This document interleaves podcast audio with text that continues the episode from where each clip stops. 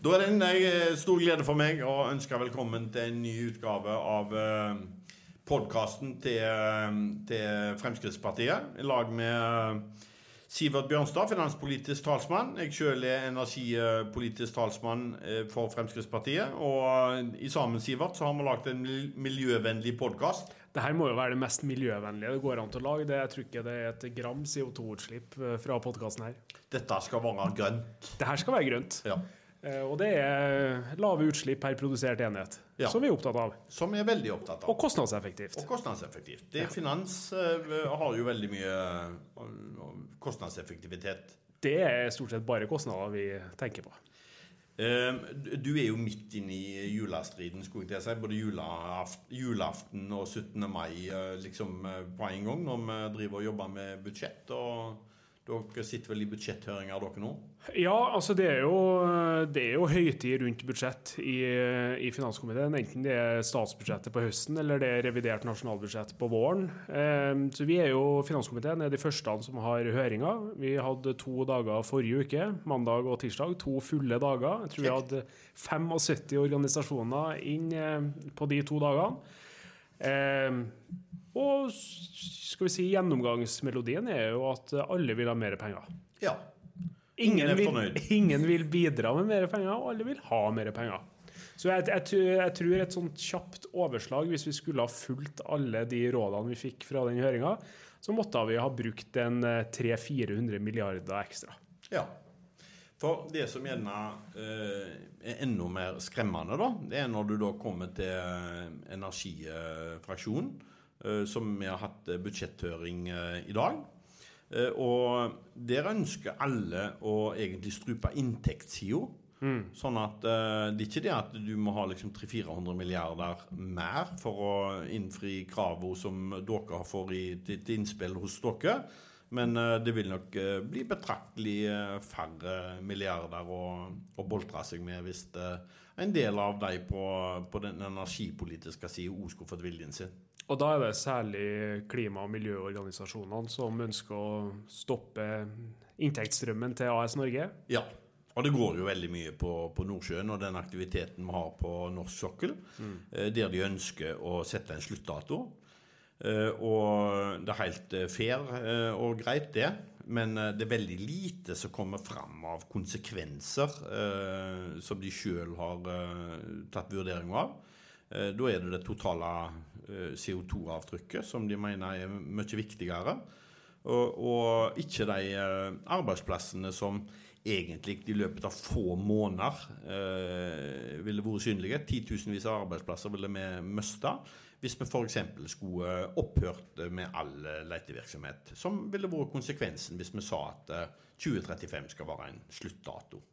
Og konsekvensen for de her organisasjonene ville jo vært at de ikke hadde fått ei krone mer fra staten. Så de måtte jo eh, enten ha klart seg sjøl eller, eh, eller blitt lagt ned. Så det kan jo være litt fristende av og til, det, da. Eh, Vi sier vel at vi, vi ser for oss en, eh, en, en ny hverdag ja. med, med en helt annet eh, utslippsavtrykk eller hva vi har i dag. Men, eh, men da tror jeg at den hverdagen kunne komme veldig mye fortere enn eh, enkelte ser for seg. Og hva er det som hadde skjedd hvis vi skrur av lyset i, eh, i 2035? Hadde eh, utslippene i verden gått ned? Nei, eh, jeg, jeg har ikke tro på det. Eh, altså, eh, Norge er eh, en liten aktør, eh, og, men for all del, altså, det er ikke noe sånn at Norge ikke skal ta sin del av ansvaret og, og ta sin del av dette. Men eh, norsk sokkel er eh, det er liksom litt de fire friheter vi har på, på norsk sokkel. Har, det har vært en fantastisk bidragsyter, spesielt for å få det velferdssamfunnet som vi har i dag. Så er vi helt avhengig av de. Eh, Vi leverer gass til Europa, eh, som gjør at eh, Europa kan enklere komme til et, et mindre klimaavtrykk pga. at de kan konvertere fra kull til gass. Vi har på norsk sokkel en enorm teknologiutvikling. En teknologiutvikling som tar oss med til en, en, en omstilling av samfunnet til, til mindre utslipp. Og så er vi helt avhengige av den sektoren eh, på, på, på inntjeninga, så vi kan være med og ta og finansiere de grepene som vi gjør ellers i samfunnet, for å få et mindre klimaavtrykk. Annet bruker vi tosifra milliardbeløp kun for, eh, for eh, elbilsatsinga. Mm. Ja, jeg er selvfølgelig helt enig. På inntektssida så er det jo sånn at vi Jeg tror én av fem kroner kommer, kommer enten direkte eller indirekte fra, fra olje og gass. Men også på den rent praktiske delen. Fordi som du sier, så bringer vi gass til, til, Europa. Vi kan ta UK som et eksempel. Så er jo de nå kullfri. Eh, fordi at eh, de importerer så mye gass fra Norge. Og Det som forundrer meg litt i debatten, er jo at av og til når man hører på noen av de her organisasjonene, så virker det som at den gassen som kommer fra Norge, da, at den liksom fortrenger masse vindkraft eller masse vannkraft eller noe sånt som bare står og venter på å komme inn i markedet i UK. Men det er jo ikke sånn. Det er jo ikke sånn at eh, norsk gass fortrenger vind og vann. Alternativet til veldig mange land er jo å skru på kullbryteren igjen. Altså, um, det er helt rett. Og, og, og, dette blir jo Det er en veldig interessant debatt. Uh, når uh, Det er mange som hevder at Norge skal være det grønne batteriet for Europa. Eh, og hvis vi da ser på, på den fornybare kraften som vi har, eh, så, så, eh, ja, vi kan gjerne på et veldig godt år Vi er jo, veldig, vi er jo væravhengig på, på hva kraft vi har disponibelt. Men på et veldig godt år så kan vi gjerne eksportere både 10 og 20 TWh ned til Europa. Men hvis vi skulle tatt, tatt gassen vår, så tilsvarer det altså 1000 TWh. Sånn at det, det, grønne, altså Hvis Norge skal være et grønt batteri for Europa, så er det gassen som er det grønne batteriet. Mm. Med vannkraft og vindkraft eller hva det skulle være av andre fornybart, så klarer vi aldri å komme opp i nærheten av det omfanget som, eh, som gassen blir. Både til Europa og ikke minst som du tar, drar fram med, med Storbritannia. Men tilbake til budsjetthøringa nå. Eh, får dere masse Dere i komiteene får dere masse gode innspill til hva dere nå skal gjøre videre med budsjettet, eller er det litt sånn eh, skal vi kalle det skinnprosess nå når det er flertallsregjering? Og det er jo vel sånn at det, det meste blir jo bestemt eh, bak lukka dører? Det er det nok ingen tvil om. At uh, en liten skinnprosess uh, er det. Uh, men det er en prosess som blir gjennomført uavhengig av hva slags regjering vi har, om vi har mindretall eller, eller, flertall. Men så kommer det jo noen gullkorn, da, og, og kommer gode innspill. Uh, og du får liksom konkrete konsekvenser av, av, det budsjettet som ligger der. Og du ser at du gjerne med litt enkle grep, uh, litt fleksibilitet, kan, kan, endre på det. og det tar vi absolutt med oss. Og du merker jo veldig godt altså, Det er jo noen som eh, vet bedre enn andre hvordan man får gjennomslag på den type høringer. Noen er mer rutinert enn andre. Og Av og til så er det ikke så mye som skal til. Det er f.eks. en merknad som det heter da, som man skriver inn i innstillinga, som ikke koster penger, men som legger noen føringer eh, fram i tid. Eh, og alt som ikke koster penger, er jo mye enklere å, å, få inn. Selv om det kanskje har en konsekvens om to, tre, fire eller fem år. da. Ja, og det er iallfall ingen tvil om at du ser at det er aktører som har vært på høring før, og du ser at uh, det er aktører som ikke har vært på høring før. Og så tror jeg det er litt sånn at veldig mange av de her organisasjonene møter på høring for å ta et bilde og skrive i årsrapporten sin at de har vært på Stortinget og lagt fram sin sak. Ikke sant. Ikke sant. Men du, skal vi snakke litt om eh, CCS? Eh, I hvert fall eh, Da finanskomiteen hadde høringa i forrige uke, så var en del av, eller ganske mye av kritikken mot budsjettet var at det går for tregt på CCS. At vi ikke holder framdriften på CCS. Eh, at vi ikke får nok ut av eh, de prosjektene vi har, eh, vi har, gående. Og CCS er jo da karbonfangst og -lagring. Det er jo midt i kjernen av ditt område. Kan ikke du fortelle litt hva, hva er det vi holder på med på, på CCS-feltet? Det er jo et Denne CCS, karbonfangst og -lagring, har vi jo hatt med oss i mange år. Så, så, hvis du føler historien bakover, så kan en vel eh, gi rett til mange av aktørene som sier at nå må det skje noe. Men eh, hvis vi vet hva som har skjedd før, eh, så var Stoltenberg f.eks., som hadde sin månelanding, det var jo akkurat på, eh, på karbonfangst og, og, -lagring. Så det som vi gjør nå, er at en går litt forsiktig fram En prøver å kvalitetssikre eh, investeringene, for dette blir dyrt. Det blir veldig omfattende. Og så er vi, vi er veldig avhengige av dette prosjektet for å lykkes i den omstillingen som vi skal gjennom. Og da er det nok eh, flere av oss eh, Vi ønsker å ha gode prosesser framfor at vi skal skynde oss fram eh, for oss å få ta noen avgjørelser som vi gjerne ikke har et grunnlag for å ta. Ja, for Bakteppet er jo den her Mongstad-skandalen, månelandinga, hvor man Riksrevisjonen, kontrollkomiteen var inne i bildet, og hvor man fant ut at uh, 7-8 milliarder av skattebetalerne sine penger har gått tapt. Ja, uh, det er jo det som er bakgrunnen. Og det er jo det som er litt uh, av, av, det som en gjerne er redd for at en skal ende opp igjen. Eh, nå har en kvalitetssikra de prosjektene som, eh, som holder på eh, nå. Nå skal vi ta den endelige investeringsbeslutningen til sommeren. Det regner jeg òg med at det kommer til å bli gjort. Så fra denne regjeringens side så, så følger vi egentlig de fremdriftsplanene som vi har sagt at vi skal gjøre. Og vi har bevilga egentlig mer penger til, til, dette prosjektet eller hva vi har sagt eh, Eller eh, eh, som vi tidligere har sagt vi, vi skal gjort. Det kommer litt pga. at vi bevilga i revidert, som du sikkert husker, til å bore en, en brønn som går på den lagringsbiten.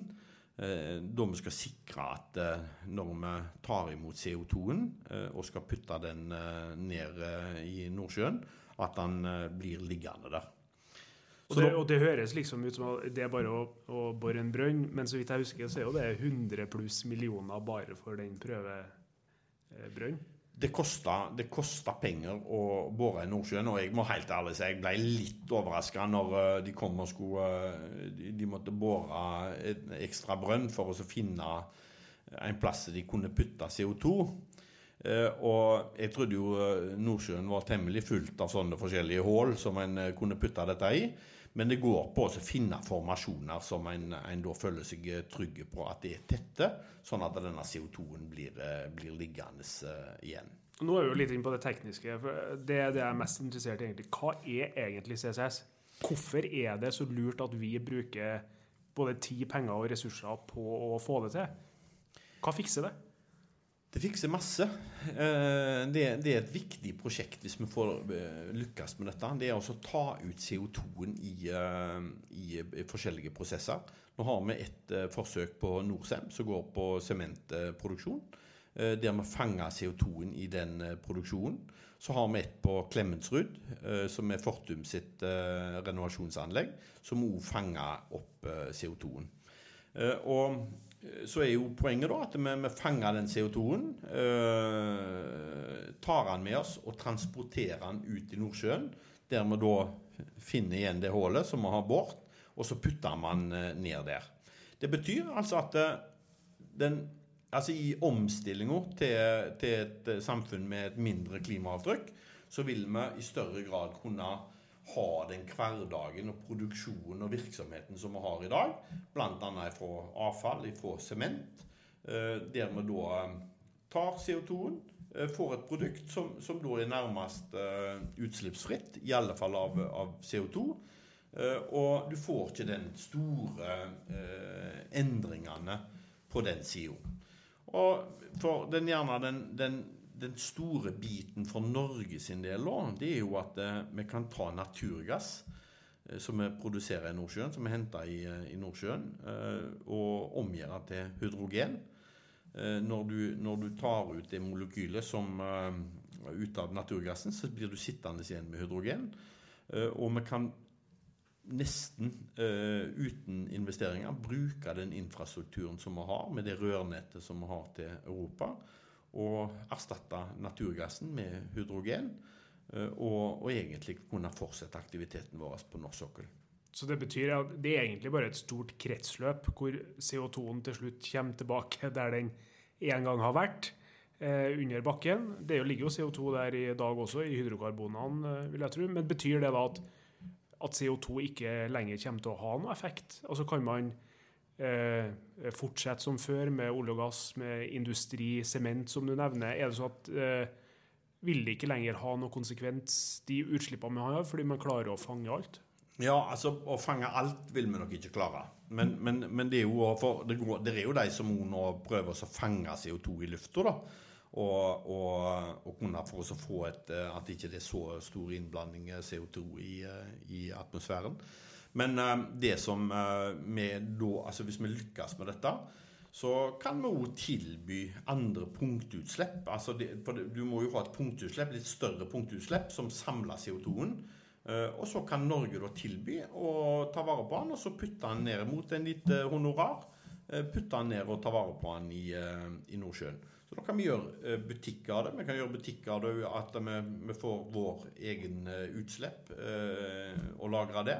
Vi kan lage hydrogen og, ut av naturgassen vår. Og vi kan ta imot eh, fra andre deler av verden som ønsker å bli kvitt eh, CO2-en. Og i de aller fleste klimaregnskap eh, framover, så er det et betydelig andel som går på denne CCS-en. Skal en lykkes med å, å få ned eh, utslippene. Og Fordelen vår er jo at vi har Nordsjøen, hvor vi kan lagre enorme mengder med, med CO2. Og Det fine med Nordsjøen er jo at det ikke bor folk oppå Nordsjøen. Eh, fordi nedover i Europa er man jo veldig skeptisk til å til å lagre eh, CO2 eh, i bakken under seg, særlig i nærheten av der man bor. Ikke sant? Det er jo litt sånn NIMBY-prinsippet her, og 'not in my backyard'. Så, så, fordelen vår er jo at vi, har, eh, at vi har Nordsjøen, som er langt unna folk, og hvor vi kan, kan lagre en både kostnadseffektivt og, og trygt. Ja, og det, og, det, og det, som vi holder på med i Norge nå, er, jo litt av grunnen til at vi har klart å få det til å snu litt i Europa. For i Europa så var de veldig skeptiske til å lagre CO2, for uh, det leker jo rett opp igjen. Sånn at, uh, og, og, i Europa så bor det masse folk, så de har store problemer med å putte dette i bakken og få det til å bli i bakken. Og dermed så, så uh, har Europa vært veldig skeptiske til CCS. Eh, og, men, men, har nå i ferd med å snu når de ser på hva vi holder på med i Norge. Så eh, dette er et prosjekt som veldig mange maser på, men jeg tror vi skal fremdeles ha is i magen og, og skynde oss eh, langsomt. Og så regner jeg med at vi, om ikke så altfor lang tid nå, så får vi resultatene av de prøveprosjektene vi holder på med, og så kommer den investeringsbeslutningen når den kommer til i løpet av neste år. Og som alltid så er det skattebetalernes beste vi må tenke på. Vi skal ikke sløse med pengene til folket. Det stemmer. Ja, da, Sivert, eh, skal vi, noen andre tema du vil ta opp? Eh, noe spennende i finans som du ville hatt nevnt?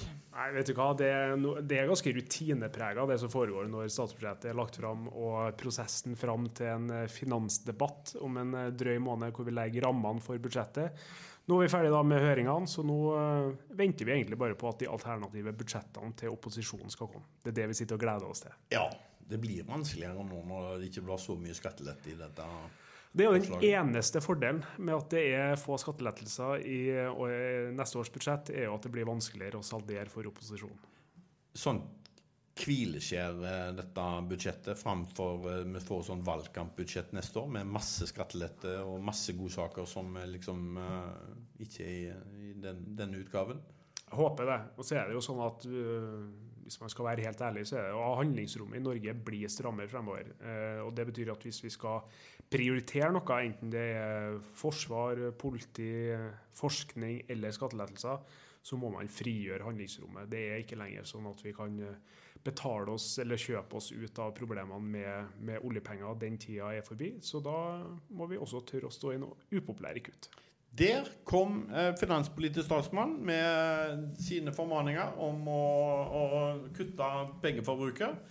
Det har vi jo alle hørt om. Og, men jeg tror allikevel vi er veldig enige om at uh, det, vi må nok til å begynne å prioritere på en helt annen måte enn hva vi har gjort til nå. Helt sikkert. Men uh, da runder vi av, Sivert. Og så takker vi for oss denne gangen. Og så satser vi på at vi kommer tilbake om ikke så altfor lenge. Det gjør vi. Ha det bra. Ha det bra.